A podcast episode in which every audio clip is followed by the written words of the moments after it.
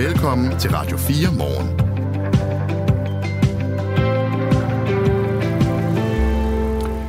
Mange kvinder, øh, gravide kvinder, finder det ubehageligt, når de ved deres egen læge eller på hospitalet bliver bedt om at stille sig op på vægten. Og for nogle af kvinderne er det decideret farligt, blandt andet for Mina Kessler, som vi talte med i går. Og hun fortalte, hvordan vejningerne i forbindelse med hendes første graviditet satte gang i en begyndende anoreksi, som hun ellers havde kæmpet sig ud af. Og det er en historie, vi har sat fokus på hele ugen her på Radio 4 morgen. Kira Kimby er sektionsleder i Enhed for Forebyggelse og Ulighed i Sundhedsstyrelsen. Godmorgen. Godmorgen. Det er Sundhedsstyrelsen, som øh, står for de anbefalinger, som ligger til grund for vejning af gravide. Og jeg har her listen over, hvad I anbefaler. Den er lidt lang, men bare lige for at illustrere, hvad det er, I anbefaler, så lad os lige tage den. Den kommer her. I uge, mellem uge 6 og 10, der anbefaler man vejning hos læge, uge 21 vejning hos jordmor, uge 25 vejning efter behov hos læge, uge 29 vejning hos jordmor, uge 32 vejning efter behov hos læge, uge 35 eller 36 vejning efter behov hos jordmor, det samme i uge 37, det samme i uge 39 og det samme i uge 41, altså ni vejninger og minimum tre. Hvorfor vil I gerne have de gravide op på vægten? Jamen altså, grunden til, at vejning er en af de ting, som vi gerne vil have, man undersøger gravide for, det er, at vægt øh, spiller en rolle for fosterets udvikling, og det kan også spille en rolle i forhold til, hvorvidt der opstår fødsels- eller graviditetskomplikationer. Øh, øh, og desuden så kan vægten også betyde noget for morens øh, vægtudvikling efter graviditeten. Så det, det er, når vi tænker, at, at øh, eller når vi synes, at vægt er et vigtigt parameter, er det både fordi, at undervægt, altså det, at den gravide ikke tager nok på, kan være et udtryk for, at fosteret ikke vokser nok, og der er risiko for tidlig fødsel. Og det at tage meget på, for meget på i øh, løbet af graviditeten, kan også være forbundet med yderligere komplikationer under graviditeten. Øh, kejsersnit, øh, graviditetsbetinget diabetes og nogle andre komplikationer også. Stort set øh, alle dem, vi har talt med de sidste par dage, de siger, at det er jo frivilligt. Er det sådan, det er frivilligt? Ja, alt i sundhedsvæsenet er frivilligt, og det er vejning også. Øh, og jeg synes, når, det der er vigtigt at tale om her, er selvfølgelig, at vejning, det der er vigtigt for vejning, er jo, at det foregår i et trygt rum, og at det er, foregår under nogle ordentlige rammer, hvor at den gravide bliver mødt professionelt, empatisk, men ikke stigmatiserende tilgang, der er også helt fordomsfrit i forhold til den vægt.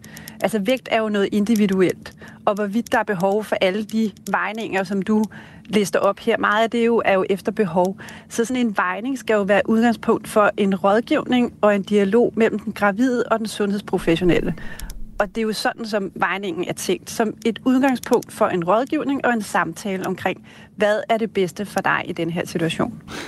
Så regn, øh, vejning er altså tilbud, som gravid altid kan sige nej til, hvis det er. Hvilken risiko løber man så som gravid, hvis man fravælger, øh, fravælger at blive vejet? Det vil være rart at vide jo. Jamen altså, som jeg sagde før, hvis, hvis øhm, altså, øh, at tage meget på og, og have overvægt i løbet af sin graviditet, det er forbundet med nogle, øh, nogle komplikationer. Det kan være graviditetsudløst diabetes, som er vigtigt at få identificeret. Det kan også være en svangerskabsforgiftning, som man har øget risiko for. Og så er der også øget risiko for komplikationer under fødslen.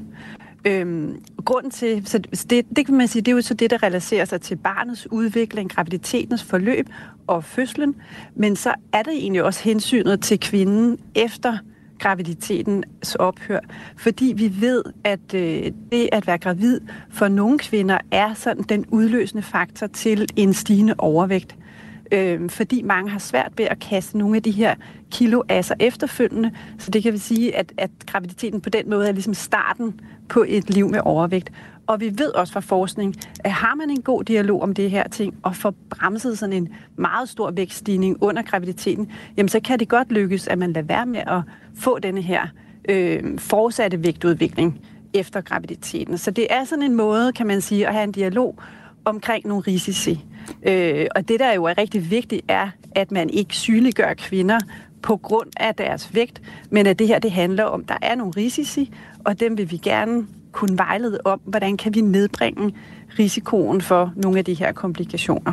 Så selvom det er frivilligt, så lyder det som om, at du fraråder kvinder at springe den her vejning over? Ja, altså det, det gør jeg faktisk, men jeg kan også godt, jeg kan jo sagtens sætte mig ind i, at det at blive mødt, som nogen fortæller, med fordomme omkring, hvordan man lever, blive sygeliggjort på grund af ens vægt osv., det er jo selvfølgelig ikke sådan, det skal foregå. Sådan skal det slet ikke være i sundhedsvæsenet, og det er slet ikke den type vejledning, man egentlig bør kunne forvente. Så jeg kan godt forstå, at der er nogen, der bliver øh, kede af det og går fra sådan en konsultation og tænker, at det skal jeg aldrig mere udsætte mig selv for. Så det, jeg synes, vi skal diskutere, i stedet for at ligesom snakke om, skal der vejes eller ikke vejes, det er jo egentlig, hvordan skal det her foregå? Jeg tror, det er der, øh, problemet egentlig er, fordi kvinder skal jo ikke blive mødt på den måde i det danske sundhedsvæsen. De, der skal være en god dialog omkring både vægten og vejningen, men også de andre prøver, der bliver taget omkring graviditeten, og i det hele taget, hmm. hvad, hvad fylder for den gravide? Hvad har man brug for hjælp til? Der kan være en masse ting, som man kan være i tvivl om. Og der skulle sundhedsvæsenet jo gerne kunne tilbyde sådan et, et godt og trygt rum, hvor man kan forvente de bekymringer, der kan være. Så lad os tale om det. Lige nu der taler jeg med Kira Kimby, som er altså sektionsleder i Sundhedsstyrelsen, der står bag den her anbefaling om at veje gravid mindst tre gange i løbet af deres graviditet. Og det gør jeg, fordi flere kvinder de seneste dage har fortalt Radio 4, hvordan de har oplevet fokuseringen på vægt under deres øh, graviditet som ubehagelig. Og sådan her, der sagde, øh, sagde Randi Mølmark O'Connor, da vi talte med hende i mandags. Lyt med. Og så spørger hun mig faktisk, jamen kan du gætte, hvor meget altså, du vejer? Øh, og jeg gav et sundt gæt. Jeg sagde 20 kilo. Altså kvinderne i min familie, vi tager godt på. Øh, vi ligner ikke dem i, dem i mor, så at sige, på forsiden. Vi ligner nok med sådan nogle fertilitetsgudinder fra, fra gammel tid med ordentlig mave og, og, og barm og det hele. Men hun siger så, nej, det er 30 plus kilo. Og en lidt sådan hård tone, og jeg prøver sådan at grine det lidt af, lidt humor. Hvorefter at, øh, at hun jo så sætter mig ned, og så mærker hun også på min mave og siger, nå, det er ikke, du er ikke den eneste, der er over skala. Så ikke alene var jeg fed, min baby var sgu også over. Øh, og hvor jeg så bliver sat ned, det var jo behageligt nok, men så sidder vi ned, og så prøver jeg sådan, jamen, er det ikke okay? Og altså, hvad kan jeg gøre? Og hun siger, jamen, alt over 15 kilo, det er selvskade. Selvskade, tænkte jeg. Det var da et voldsomt udtryk. Og jeg prøvede sådan at fiske jo efter det her, men, men det, skal, det her men, det gyldne men, men det skal nok blive okay igen. Hvorefter hun så, jamen, og det blev bare ved med at køre det her selvskade, selvskade, selvskade. Det kan skade din fødsel, det kan barnet, og, og ikke alene, siger hun, så kan, det blive, så kan det blive meget, meget, meget sværere at tabe igen. Det var ikke sådan, at jeg havde super høje, øh, hvad hedder det, forhøjet, øh, hvad hedder det, så man kan få svangerskabsforgiftning eller andet. Jeg havde super sunde tal. Så jeg forstod egentlig ikke, hvorfor vægten blev, blev isoleret som sådan et problem. Sådan sagde altså Randi Mølmark og Connor til os, og lige nu taler jeg med Kira Kimby fra Sundhedsstyrelsen. Vi har talt og skrevet med mange andre kvinder, der kan fortælle om lignende oplevelser. Hvad, hvad mener du øh, om, at kvinder føler sig øh, den her ubehag ved vejningen? Jamen, jeg synes, det er rigtig sørgeligt. Og jeg kan godt forstå, at, øh, at man øh, er, er rystet over så at blive mødt på den måde, som vi nu hører her, Randi bliver mødt på. Fordi det er jo ikke en vejledning, som... Øh, kan man sige, fordrer, at man øh, får hjælp til, hvis der er brug for, at man får ligesom bremset den vægtudvikling. Ja, det lyder slet ikke som om, det er, det er vejledning og rådgivning, der har været i fokus i den konsultation. Og det er jo ikke sådan, det skal være.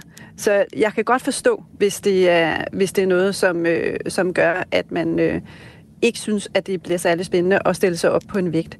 Men igen, så tænker jeg også, at det er jo, det er jo så den dialog, der er øh, problemet. Og det peger jo på, at øh, vi i sundhedsvæsenet bliver nødt til at øve os meget i, hvordan det er, at man tager den dialog omkring vægt. Vi kan godt se i, øh, i mange sammenhænge, så bliver der ligesom mere, der er mere sensibilitet, end der har været tidligere omkring det at veje, også at veje børn for eksempel i, øh, i skolerne. Og det er fordi, at vores samfund øh, er af den karakter, at har man overvægt i Danmark, jamen så bliver man mødt med fordomme og stigmatisering i mange sammenhænge. Og det tager man selvfølgelig også med ind i, øh, i en sundhedssammenhæng, øh, når man bliver mødt i sundhedsvæsenet. Og det betyder bare, at vi i sundhedsvæsenet bliver nødt til at have en ekstra særlig omhyggelighed, omhu og empati, når man taler om vægt med hvilken som helst borger. Vi kan ikke forvente, at borgeren selv vil komme og sige, at det her det er faktisk et svært emne for mig. Vi bliver nødt til at forudsætte, at det her det er altså noget, som kræver en helt særlig øh, sensibilitet over for den borger, og vi skal tage udgangspunkt i, hvem det er, og altid gå til denne her dialog med et ønske om, at vi skal hjælpe, og vi skal ikke øh, komme med fordomme eller øh, kritik af, af den enkelte borger. Det er helt urimeligt. Og i går så talte vi med en kvinde, Mina Kessler, der i sine unge år led af anoreksi, og den spiseforstyrrelse var sådan på vej tilbage, da hun i forbindelse med sin første graviditet blev bedt om at stille sig op på vægten. De der tanker, man har man distanceret sig for, de kom tilbage igen.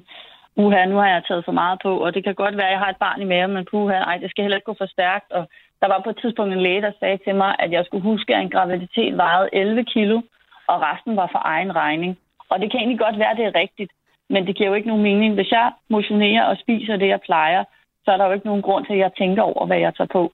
Så jeg måtte have fat i diætist og psykolog og alt det her igen. Heldigvis i opløbet, så jeg ikke kom dybt ned i det igen. Men det startede jo stadig tankemønster, og det startede stadig, at jeg måtte få noget hjælp for at håndtere det og Radio 4 øh, Morgen har været i kontakt med andre kvinder, der også lider af spiseforstyrrelser, som fortæller lignende historier. Kira Kimby, øh, I anbefaler læger og jordmøder at være opmærksom på spiseforstyrrelser under graviditeten, fordi det kan skade både foster og mor. Og I skriver selv, at det rammer ca. 4% af alle gravide, det vil sige ca. 2.000 kvinder i Danmark om året. Anbefaler I også de her øh, kvinder med spiseforstyrrelser, at de skal op på vægten? Jamen altså, det der er vigtigt er også, at, øh, at har man en spiseforstyrrelse, og får man for eksempel ikke øh, nok vægtøgning, altså tager man ikke nok på, så kan det jo også have en betydning for øh, fosterets udvikling, og som jeg også sagde tidligere, at der, det kan give en risiko for for tidlig fødsel. Så derfor så er det også vigtigt at holde øje med det. Men altså igen, så vil jeg mene, at det er meget afgørende, at før man så øh, tilbyder en vejning, at man så taler om, hvordan kvinden har det med det, hvordan øh, ser, altså, holder man selv øje med sin vægt, hvordan har man det med, og øh, altså, føler man sult, spiser man, når man er sulten, osv. Altså igen, jeg tror, det er rammerne, vi bliver nødt til at tale om her.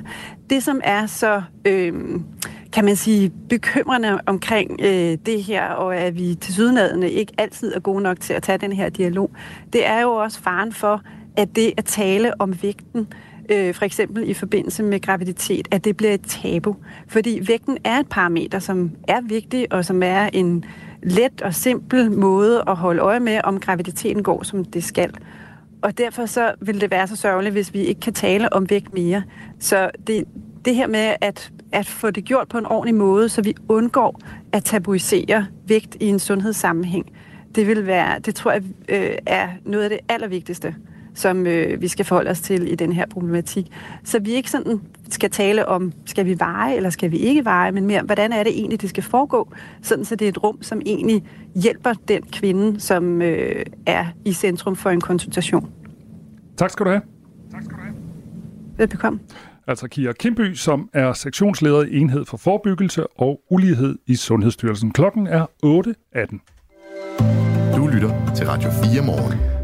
For 25 år siden døde Nordsjællands eneste elg. Den blev ramt af disse tre tog ved den lille by øh, Kværkeby, der ligger på Ringstedegnen. Og det er så også et udtryk for, at den havde stavret godt 100 km, for den var gået i land ved Hornbæk i Nordsjælland. Det er et eventyr, som øh, biologer og andre har hygget sig med i 25 år.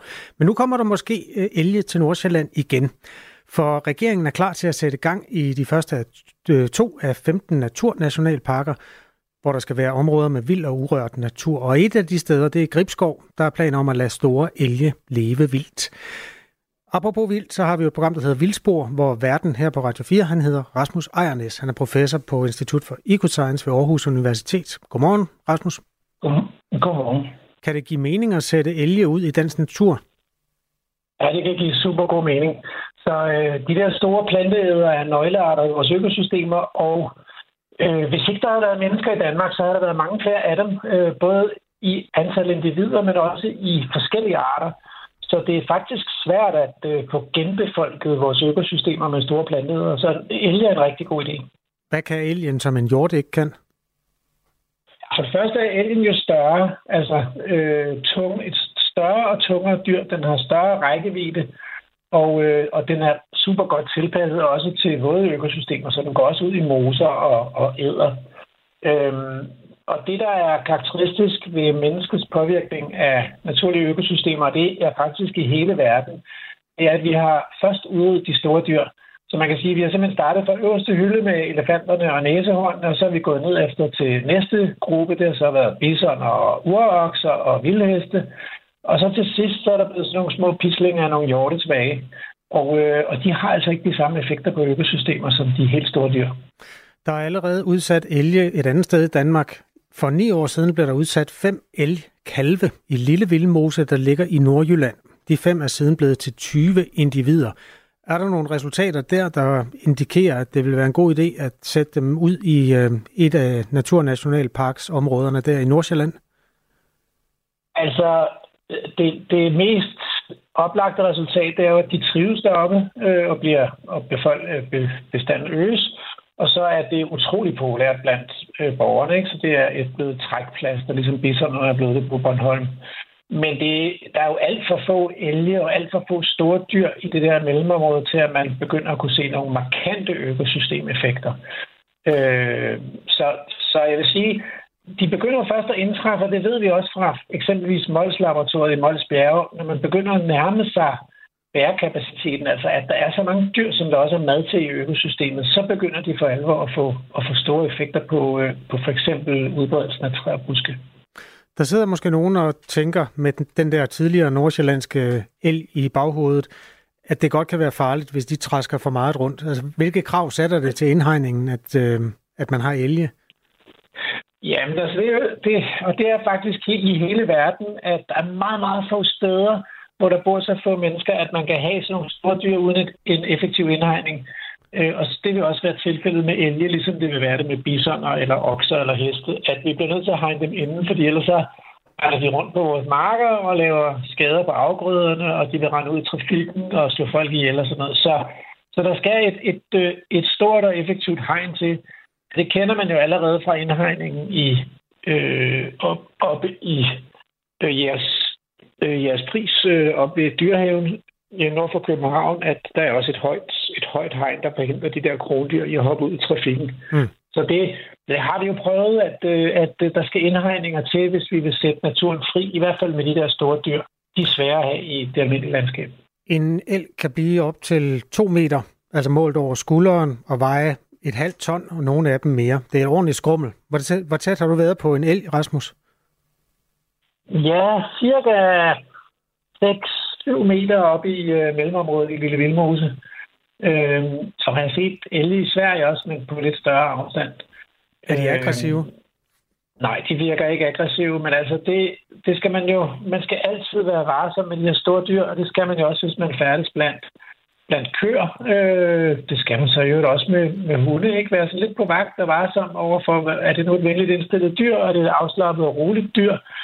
øh, undgå at, øh, at opsøge dyrene direkte, især undgå at fodre dem. Altså mange af de problemer, vi har, det gælder også vores dyrehaver, det er jo, når folk fodrer i vildskab, at så bliver dyrene tamme og opsøgende, øh, og så opstår der farlige situationer.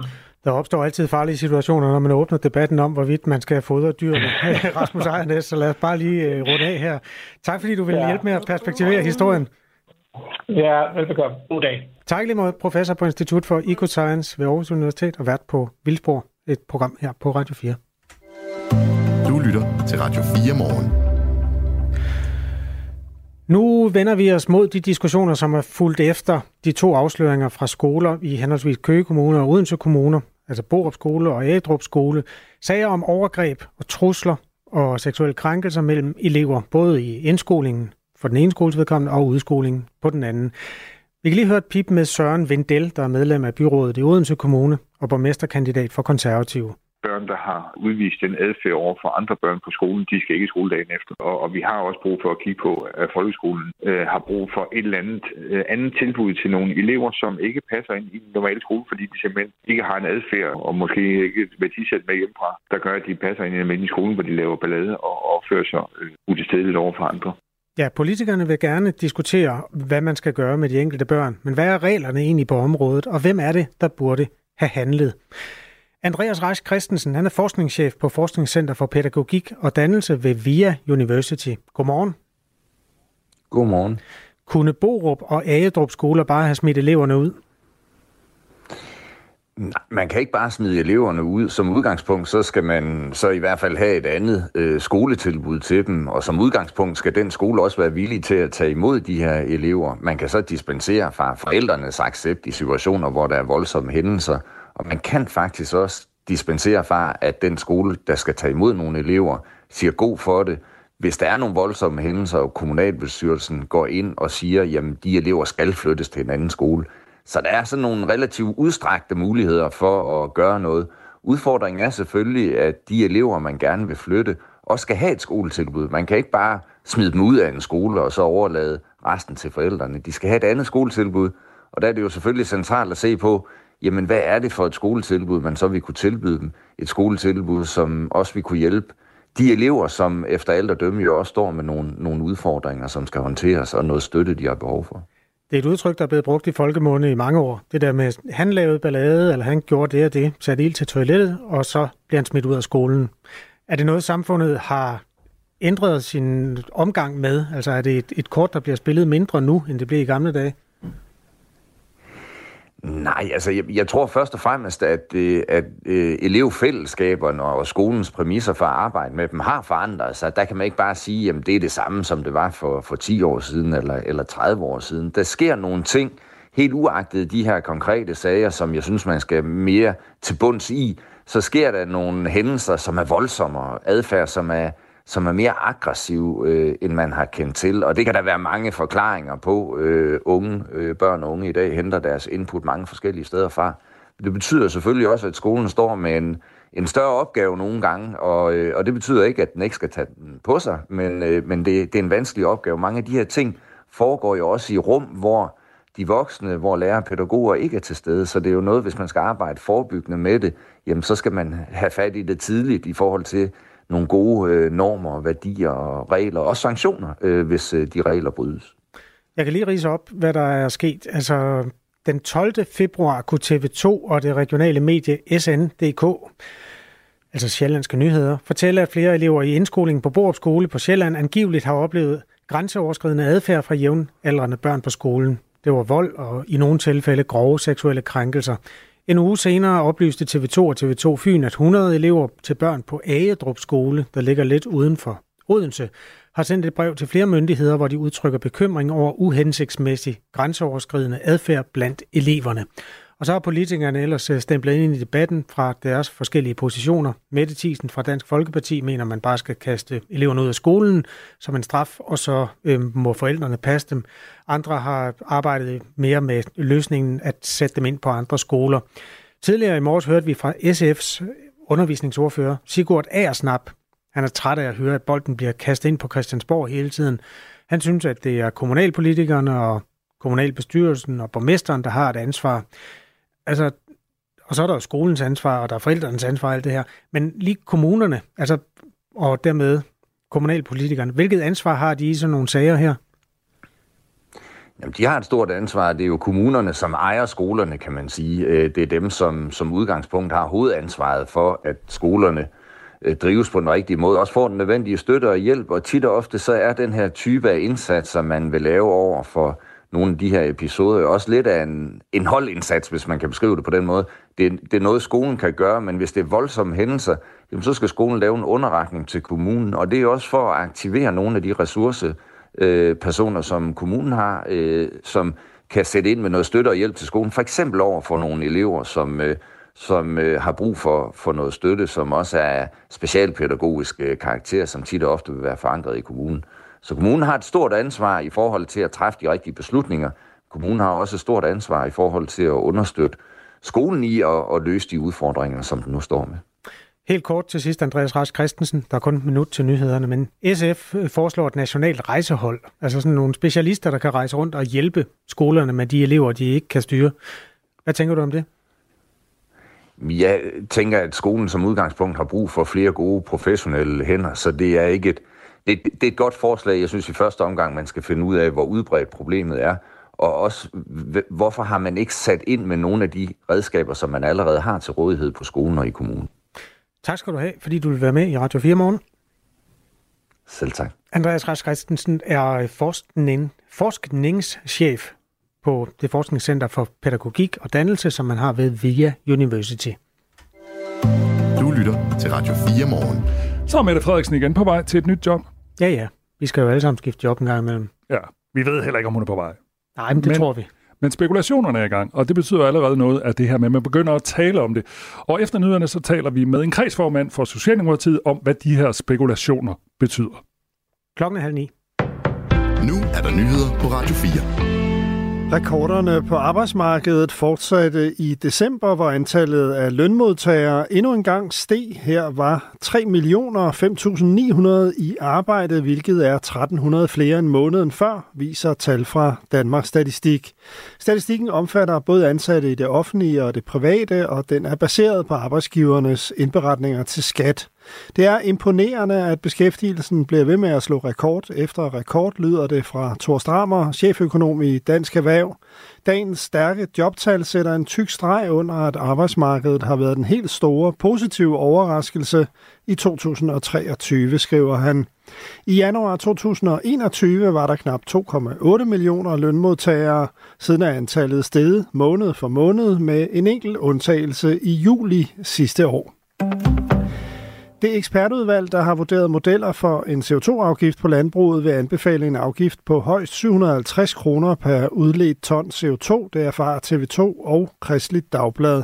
Det svarer udvalget opkaldt efter formanden for udvalget, professor Michael Svare, der i dag præsenterer sine anbefalinger i en rapport, der er blevet udskudt flere gange. Men inden da har de to medier erfaret en del af indholdet. De skriver ikke, hvor de har oplysningerne fra. Ifølge Kristi Dagblad har udvalget udformet tre modeller med tre forskellige satser. Den højeste sats er 750 kroner, mens de to andre ligger på henholdsvis 350 og 150 kroner per udledt ton CO2. 750 kroner per ton CO2 er den afgift, der er vedtaget for industrien. Miljøøkonomisk vismand Lars Gården Hansen siger til TV2, at en afgift på 750 kroner per ton vil kunne mærkes på CO2-udledningen. Jamen, det vil have en betydelig effekt, altså give et øh, kraftigt incitament til, at landbruget reducerer CO2-udledningerne. SVM-regeringen har i sit regeringsgrundlag varslet, at der skal laves en CO2-afgift. Den har været stærkt omdiskuteret, og blandt andet har flere i Venstres bagland talt imod. Fra landbruget har der været bekymring om, at en CO2-afgift kan føre til tab af arbejdspladser i landbruget, hvis produktionen flytter til udlandet. Men det vil ikke ske, og alternativet er værre, siger den miljøøkonomiske vismand til tv-stationen. Det er vigtigt at, at, at være, være klar på, at de bliver ikke sendt ud af landet. De bliver sendt til, til byerne i Danmark. Øh, og hvis man ikke får de relativt billige reduktioner, som ligger i landbruget, så skal det tages dyre reduktioner andre steder i samfundet. Og så kommer vi til at sende arbejdspladser ud af landet. Rapporten bliver fremlagt i dag kl. 11. Kun knap hver tiende europæer tror på, at Ukraine kan vinde krigen over Rusland og genvinde sit territorie. Det viser en undersøgelse fra tænketanken European Council on Foreign Relations. Støtten til Ukraine er fortsat høj, men de fleste adspurgte, 37 procent, tror, at krigen vil ende med en form for kompromisaftale mellem Rusland og Ukraine. 20 procent tror på sejr til Rusland. Undersøgelsen blev gennemført i januar i 12 europæiske lande her i blandt Frankrig, Tyskland og Sverige. Datingplatformen Tinder tager nye midler i brug i Storbritannien, der skal gøre brugerne mere trygge, når de swiper sig til nye bekendtskaber. Fremover kan brugerne frivilligt lade appen ID-tjekke dem ved at sammenligne en video af dem med billeder fra deres pas eller kørekort, det skriver BBC. Brugere, der har lavet sig tjekke, vil få et vandmærke på deres profil. På den måde håber Tinder at gøre folk mere trygge ved dem, de skriver med. Først diset og lidt regn, senere klarer det op. 5-9 grader og lidt til frisk vind omkring vest.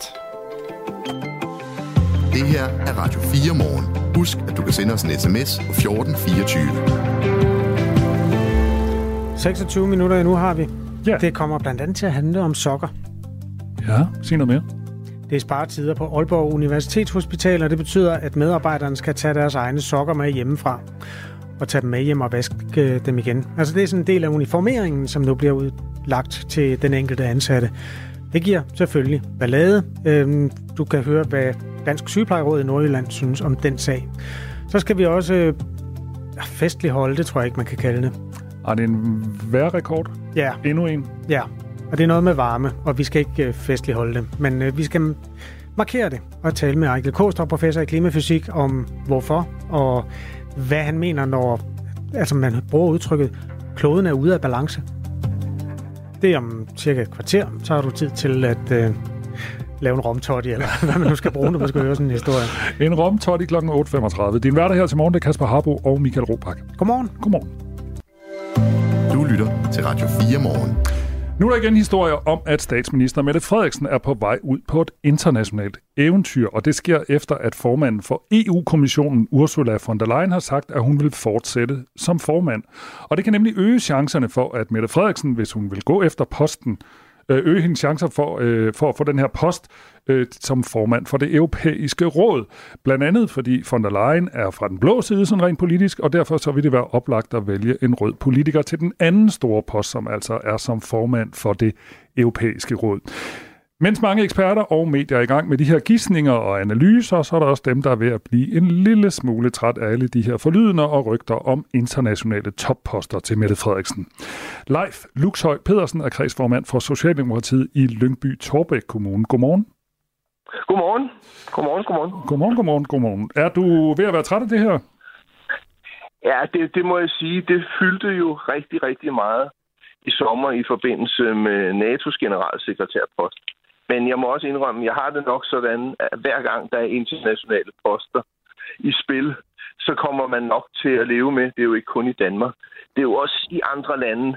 Med, altså, spiller, så bliver der rygter om, at ens statsminister eller ens udenrigsminister er på spil til posten. Og det er jo rigtigt, som du siger, hvis Ursula von der Leyen skal være kommissionsformand i en ny periode, så skal der nok vælges en fra den socialdemokratiske side, Øh, men, men det kan jo lige så godt være en fra Portugal, det kan også være en fra Spanien. I de lande diskuterer man jo, om det skal være en af deres. Men, men som sådan politisk aktiv, så, så bliver man lidt træt af det, og jeg må sige, det er altså ikke noget, der fylder hos vores medlemmer. Altså i mandags havde vi for eksempel i min kreds møde med Gunnar Vigebro, og, som sidder i Folketinget, og Bodil Kornbæk i vores kommunalbestyrelse, om sundhedspolitik og der er ikke én, der spørger om det her. Så jeg tror måske, at mange af mine aktive medlemmer de er lidt vaccineret over for de her rygter. Mm. Men jeg tror ikke, man kan undgå dem. Når de der poster i EU er blevet besat, så er der sikkert en, en ny post. Så slås vi om en plads i FN's Sikkerhedsråd.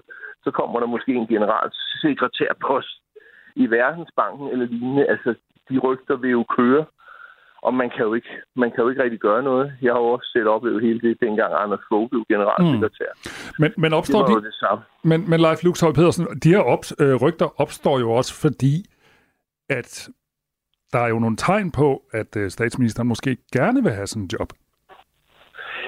Jamen altså, det virker sådan i dag i international politik, at hvis man, at det at være statsminister i et land, det, det er ligesom om, at det, øh, det er måske ikke nok. Altså, man, man, man stiler højere i dag, og der er selvfølgelig også mange internationale poster. Så det, det kan da godt være i virkeligheden i baghovedet på de fleste. Hvis man er statsminister, så har man måske en drøm om at rykke et niveau op. Jeg synes jo, man har mere indflydelse som statsminister i Danmark, end for eksempel at være formand for det europæiske råd tilrettelægger man møderne og styrer møderne, sådan som jeg forstår det, så man nærmest dirigent. Selvfølgelig har man indflydelse, når man tilrettelægger, men jeg må indrømme, jeg, jeg forstår det ikke. Jeg kan godt forstå kommissionsformandsposten. Den kan jeg godt forstå, den er attraktiv. Det, det er jo et kæmpe embedsapparat, man leder. Og i øvrigt har man jo nogle budgetter, der siger bare to. Mm. Så, du vil, så du ville ønske, det var en socialdemokrat måske fra Portugal eller Spanien, der fik det job? Ja, altså det, det vil jeg da ønske. Altså jeg vil helst beholde Mette Frederiksen i Danmark. Og jeg tror da inderst inde også, at hun er super glad for at være statsminister i Danmark. Det synes jeg i hvert fald, at hun udstråler ud over alle grænser. At, at hun er super glad.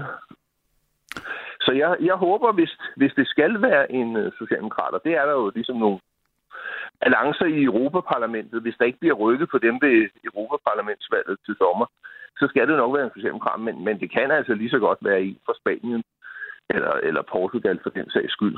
Det kan jo altså også være en forhenværende statsminister fra et af de andre lande, der er socialdemokrater. Nu er der ikke så mange socialdemokratiske statsminister pt.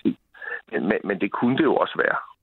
Da der var de her rygter om, hun måske skulle til NATO, altså i sommer, så hørte vi jo, at der var sådan en posi- positionering i Folketingsgruppen, altså sådan Nikolaj Vammen og Peter Hummelgaard skulle ligesom være hovedpersoner i det, fordi øh, de var ved at gøre sig klar til at overtage hendes øh, post, hvis det nu var, hun skulle øh, sydpå og have et nyt stort job. Tror du, det her rygte om øh, Mette Frederiksen også igen kan skabe uro i Folketingsgruppen? Jeg må indrømme, jeg, jeg håber det virkelig ikke. Altså, man, man, man kan jo aldrig sige aldrig. Men jeg tror, mange i Folketingsgruppen måske tænkte lidt over det, der skete i sommer, at man så hurtigt ligesom var ude og sige, øh, det kunne så være mig, der blev øh, efterfølger. Det, det håber jeg, man har lært noget om, i hvert fald også i organisationen. Vi, vi håber i hvert fald ikke, det er noget, der skal til at fylde voldsomt meget i, i, i Folketingsgruppen.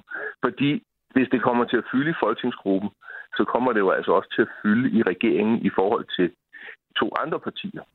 Så det, det håber jeg ikke, hvis det tilfælde skulle opstå, at man skal igennem sådan en proces. Vi taler med Leif Luxhøj øh, Pedersen, som er kredsformand for Socialdemokratiet i Lyngby Torbæk Kommune, og vi taler om den her mulighed, eller de her forlydner om, at Mette Frederiksen måske, måske er på vej til et topjob i EU. Du kan jo lige så godt få det sagt til vores lyttere, og måske også dine vælger, øh, Leif Luxhøj Pedersen. Hvis nu hun skal videre, hvem vil du så helst se som formand for Socialdemokratiet? Nikolaj Vammen, eller Peter Hummelgaard, eller en helt tredje? Det vil være Nikolaj Vammen. Altså, og, og det er, det er ud fra, han har betydeligt mere øh, erfaring end, øh, end, end Peter Hummelgaard, men det er altså også ud fra, at han sidder som finansminister, og hvis det skal give ro i forhold til de to andre regeringspartier, så vil jeg tro, at det var det, det bedste skud, hvis man skulle lave det sådan helt teoretisk, at man kom i den situation. Og når vi nu snakker om det her, så er det jo fordi, det, var, altså det, det, det tror jeg er et faktum, at det gav sådan ret, u, øh, ret stor u, ja. u, uro øh, i sommer mellem de her to kandidater. Vil du egentlig ønske, at Mette Frederiksen gik ud og sagde, jeg er ikke kandidat, punktum, altså og på en måde, hvor det virkede troværdigt?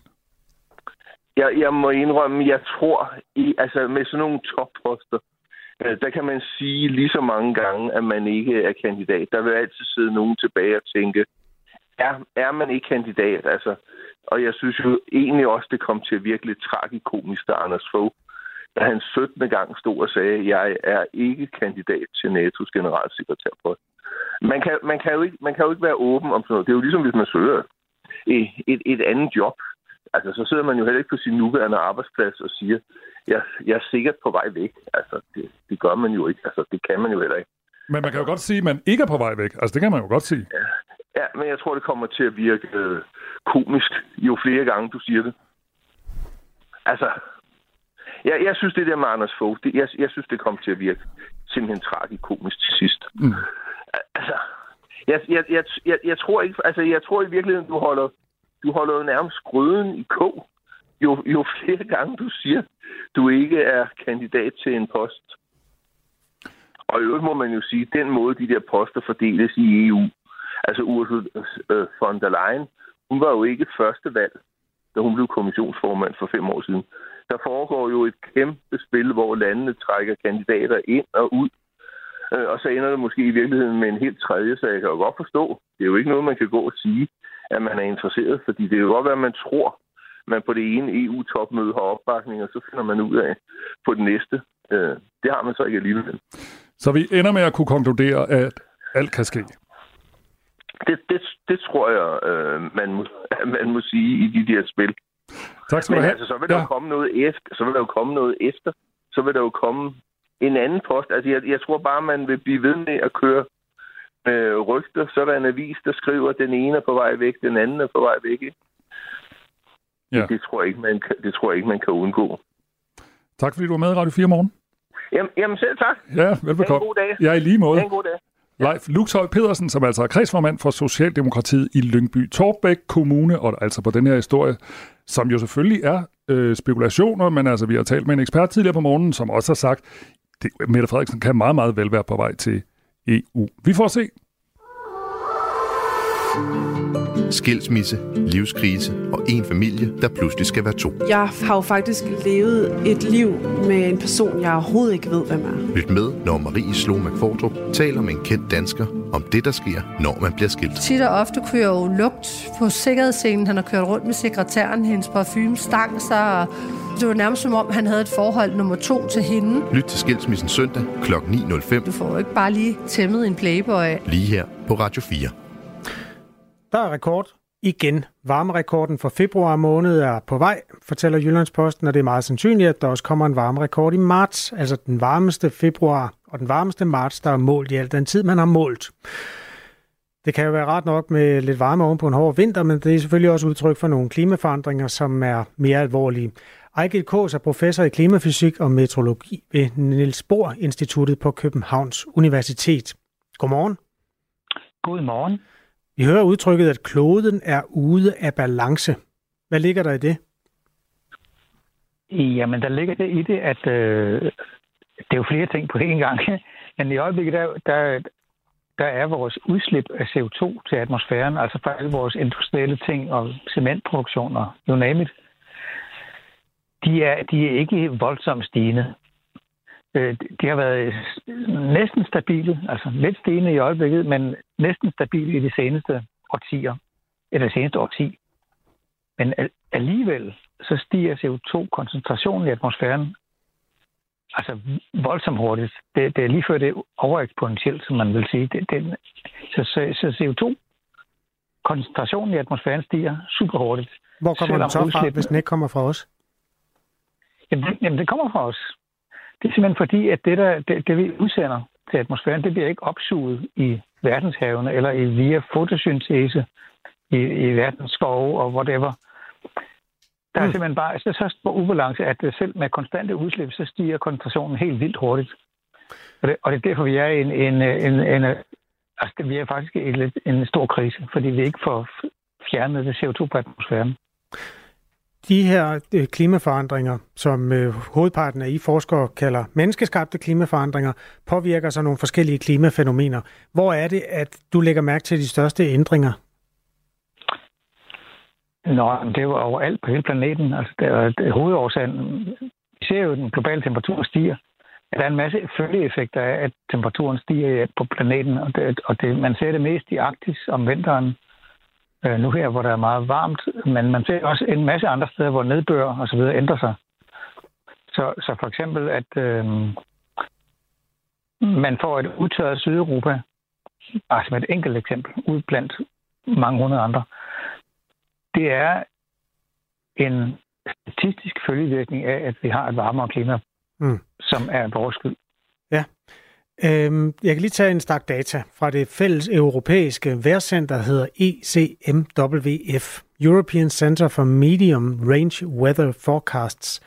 Der viser, at vi styrer mod endnu en varmerekord for den varmeste februar. Januar er også den varmeste, der er målt på kloden med en gennemsnitlig temperatur på mere end 13 grader. Den øh, periode, hvor vi har målt i forhold til, det er jo siden, altså man taler om siden 1850, industrialiseringen, hvor vi opfandt dampmaskinen, og så kørte toget ellers. Øhm, hvad, hvad er det, der gør, at man i forhold til andre perioder, hvor klimaet har forandret sig meget, er så alert, som I klimaforskere er nu? Okay, jeg sidder selv hver eneste dag og bruger de samme data. Jeg har været rådgiver for dem i mange år, øh, for ICMWF, som du nævnte der. Mm. Øh, jeg sidder hver eneste dag og, og tjekker temperaturen globalt set på deres data. Det, det er også kaldt Copernicus-data, fordi det er også finansieret af Copernicus, som er en e- e EU-ting.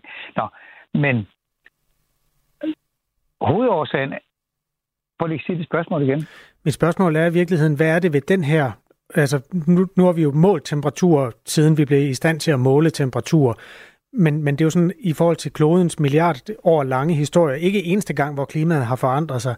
Så derfor beder jeg dig om, at øhm, ja. sådan gør red for dine din tanker omkring det, der sker nu. Hvad er det, der gør, at man er så særlig alert øh, i forhold til den forandring, der er i gang nu? Ja, der er mange, der, der vil sige, at det er sådan en slags observationsbaseret alert. Men altså, i min og mange, mange andres optik, så er det, fordi vi forstår systemet så godt nu. Vi forstår simpelthen, hvordan jordens klimafysik fungerer virkelig, virkelig godt. Øh, vi ved, hvad CO2 betyder og alt muligt andet. øh, mange andre ting. Og det er simpelthen, fordi vi forstår hele systemet så godt nu, og vi ved, hvordan det hele hænger sammen, øh, sådan rent fysisk. Det er jo ligesom det, der er min alert. Mm.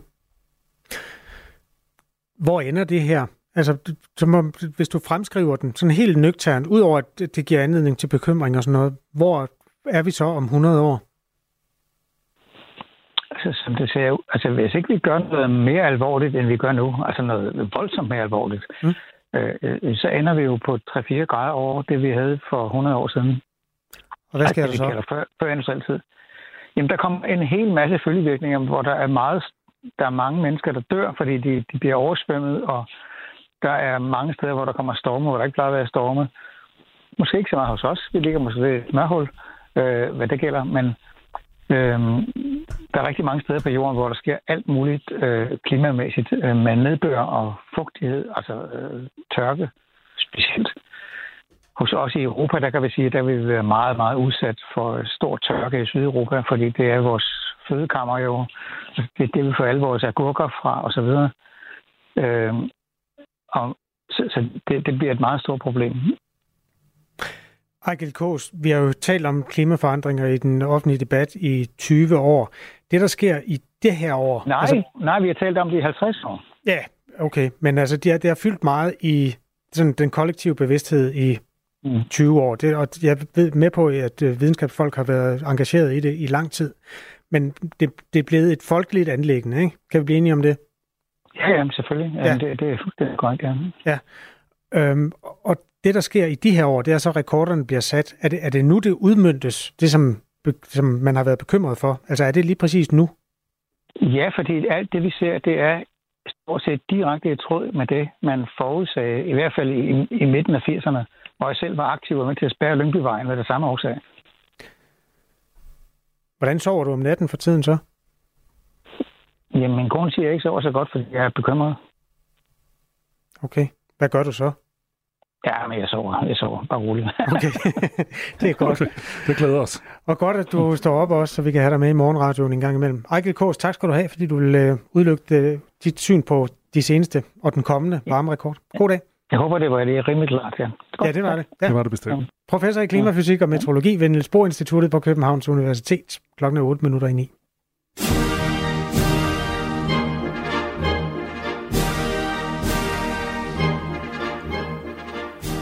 Ja. Så kan du komme ud og øh, løbe med kronprins øh, Christian. Nå, det er den tid på året. Og Eller nok Christian, sagde du det? Kronprins Christian. Overtager han Royal Run? Ah, ikke helt. Det, sportskongen er stadigvæk stor på Royal Run. Men han har, ikke, altså, han har ikke mor og far med i år. Nu er han blevet kronprins. Og det handler nemlig om øh, Royal Run. Mm. Og det er altså første gang, at kronprinsen delt... Man skal lige vende sig til det, ikke? At det ikke er Frederik, der er kronprins. Men ja, Christian, meget, meget, ja. ja. Men han deltager altså i... Første gang, han deltager i motionsløbet med den her nye titel. Og øh, så snart han løbeskoene og løber uden mor og far, når han løber an. Altså forrest? Ja, ja det, det er et udtryk, jeg så på Ritzau's bureau, løbe an. Men jeg tænkte, det var meget godt. Altså, jeg, har ikke lavet, jeg har ikke lavet det om til at løbe forrest, for jeg ved ikke, om han løber forrest. Nej, okay. Men det er ham, der ligesom løber for. Kan man sige sådan? Løber an. Det kan man sikkert. Ja. Det er anden pins i dag. Okay. Hvis du er ude og løbe med ham. Og sidste år, der, var, der, der løb han jo med sin søskende i det, der hedder en familiemil i København. Men nu er han alene. Hans mor og far skal også afsted. Øh, Kong Frederik begynder en stor løbsdag i Fredericia. Så tager han til Aarhus og slutter i København. Og dronning Mary, det skal vi også lige vende os til, hun er. Mm-hmm. Dronning Mary. Hun vil også deltage i en af de øh, fem byer, øh, og hun stiller til start i Kalundborg. Vil det sige, at Christian skal løbe 5 gange 5 kilometer? Altså, jeg har jo løbet DHL-stafet nogle gange, og der er jo de der typer, der har fem numre på maven, fordi de... Oh, øh, ja, ja, ikke også? Jo. jo, jo, jo.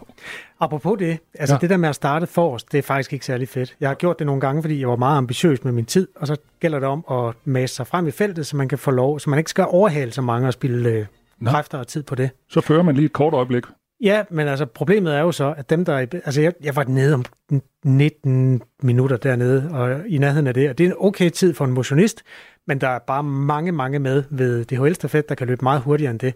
Og det betyder, at man bliver overhalet. Altså først så kommer de der, du ved, rene mønner og gazeller, og så kommer øh, sådan de yngre sygeplejestuderende, øh, så kommer sådan en perlerække af kvinder overhalet mig også, og det er ikke, fordi jeg har noget mod at tabe til nogen, der er bedre. Jeg vil bare sige, du overhaler ikke nogen, hvis du starter forrest. Og det er jo noget af det, der giver sådan den der psykiske moral, når ja. man er ude på et motionsløb. Good. Så det er faktisk øh, mega hårdt. Jeg vil ikke anbefale det. 19 minutter. Hvad, hvad, er distancen? Det er 5 kilometer. De hurtigste løber den på under 16, så det er ikke verdensrekord. Okay, jeg, jeg har altid været syg, eller haft ondt i knæet den dag, der var det Ja, det har jeg godt lagt mærke til. Og jeg tror, jeg tror også, jeg er syg den dag, der er Royal Run, men der er altså 95.000 danskere, der har købt startnummer til det her løb, så nogen skal afsted. Det her er Radio 4 morgen. Husk, at du kan sende os en sms 1424. Det er sparetider på Aalborg Universitetshospital, og det går ud over de hvide sokker til medarbejdernes uniform. For nu skal medarbejderne på Aalborg Universitetshospital tage deres egne sokker med hjemmefra, og de skal jo så i sagens natur også tage dem med hjem og sørge for, at de bliver vasket. Det er urimeligt, mener Pia Jødal Næs Schmidt, der er en kredsnæstfor kvinde ved Dansk Sygeplejeråd i Nordjylland. Hun siger sådan her. Så er der afføring eller blod på fra en patient fra sygehuset, som øh, kan være inficeret med... Altså, det, det, dels så er der noget hygiejne, og så dels så er det simpelthen ulækkert. Altså, vi skal heller ikke til at have handsker med på arbejde, vel forhåbentlig. I regionen Nordjylland, altså det politiske system, der sidder Pia Bus Pindstrup som første næstformand. Hun er fra konservative. Og hun mener, at det her strømpekrav, det er et meget godt billede på, hvor presset sundhedsvæsenet er. Det her det er et udtryk for, at sundhedsvæsenet det virkelig er nået dertil, hvor vi kigger efter de mindste steder øh, og leder efter besparelser. Og det her, det her er jo et udtryk for. Øh, sidste år der havde vi lavet en handleplan på øh, 280 millioner kroner, fordi det var det, øh, vores sygehus i Aalborg var, var bagud med. Og så er man jo nødt til at kigge indad og se, hvor er det, at det her, vi kan tage nogle besparelser, som ikke har direkte konsekvenser for vores patienter.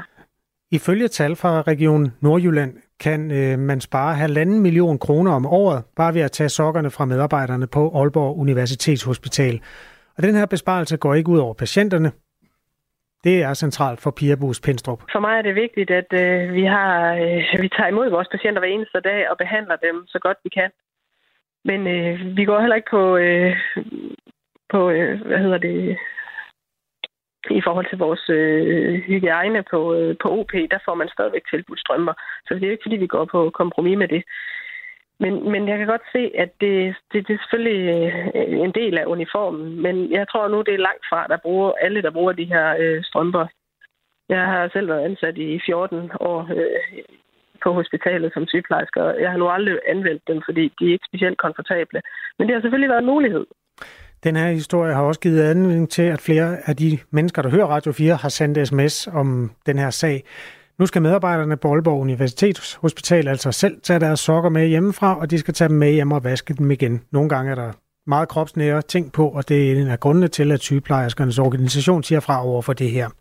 Og det er der altså også lyttere, der gør. Der er mange, der mener, at man går i for små sko. Jamen, det kan man jo sagtens mene, men, men alternativet er, at vi skal ud og finde nogle andre steder og lave besparelser.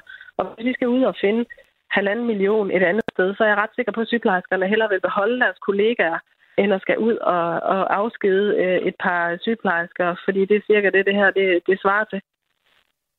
Og skal ud og undvære nogle kollegaer. Jeg kan ikke pege på nogle steder, vi kan undvære nogle sygeplejersker, men, men det her, det har ikke en direkte patientkontakt, øh, og det er vigtigt for mig, at det ikke har en direkte øh, konsekvens der. Altså, ledelsen har jo gjort det, vi har bedt om og de har, er blevet bedt om at se ind i, at vi skal finde nogle besparelser, som øh, gør så lidt ondt som overhovedet muligt.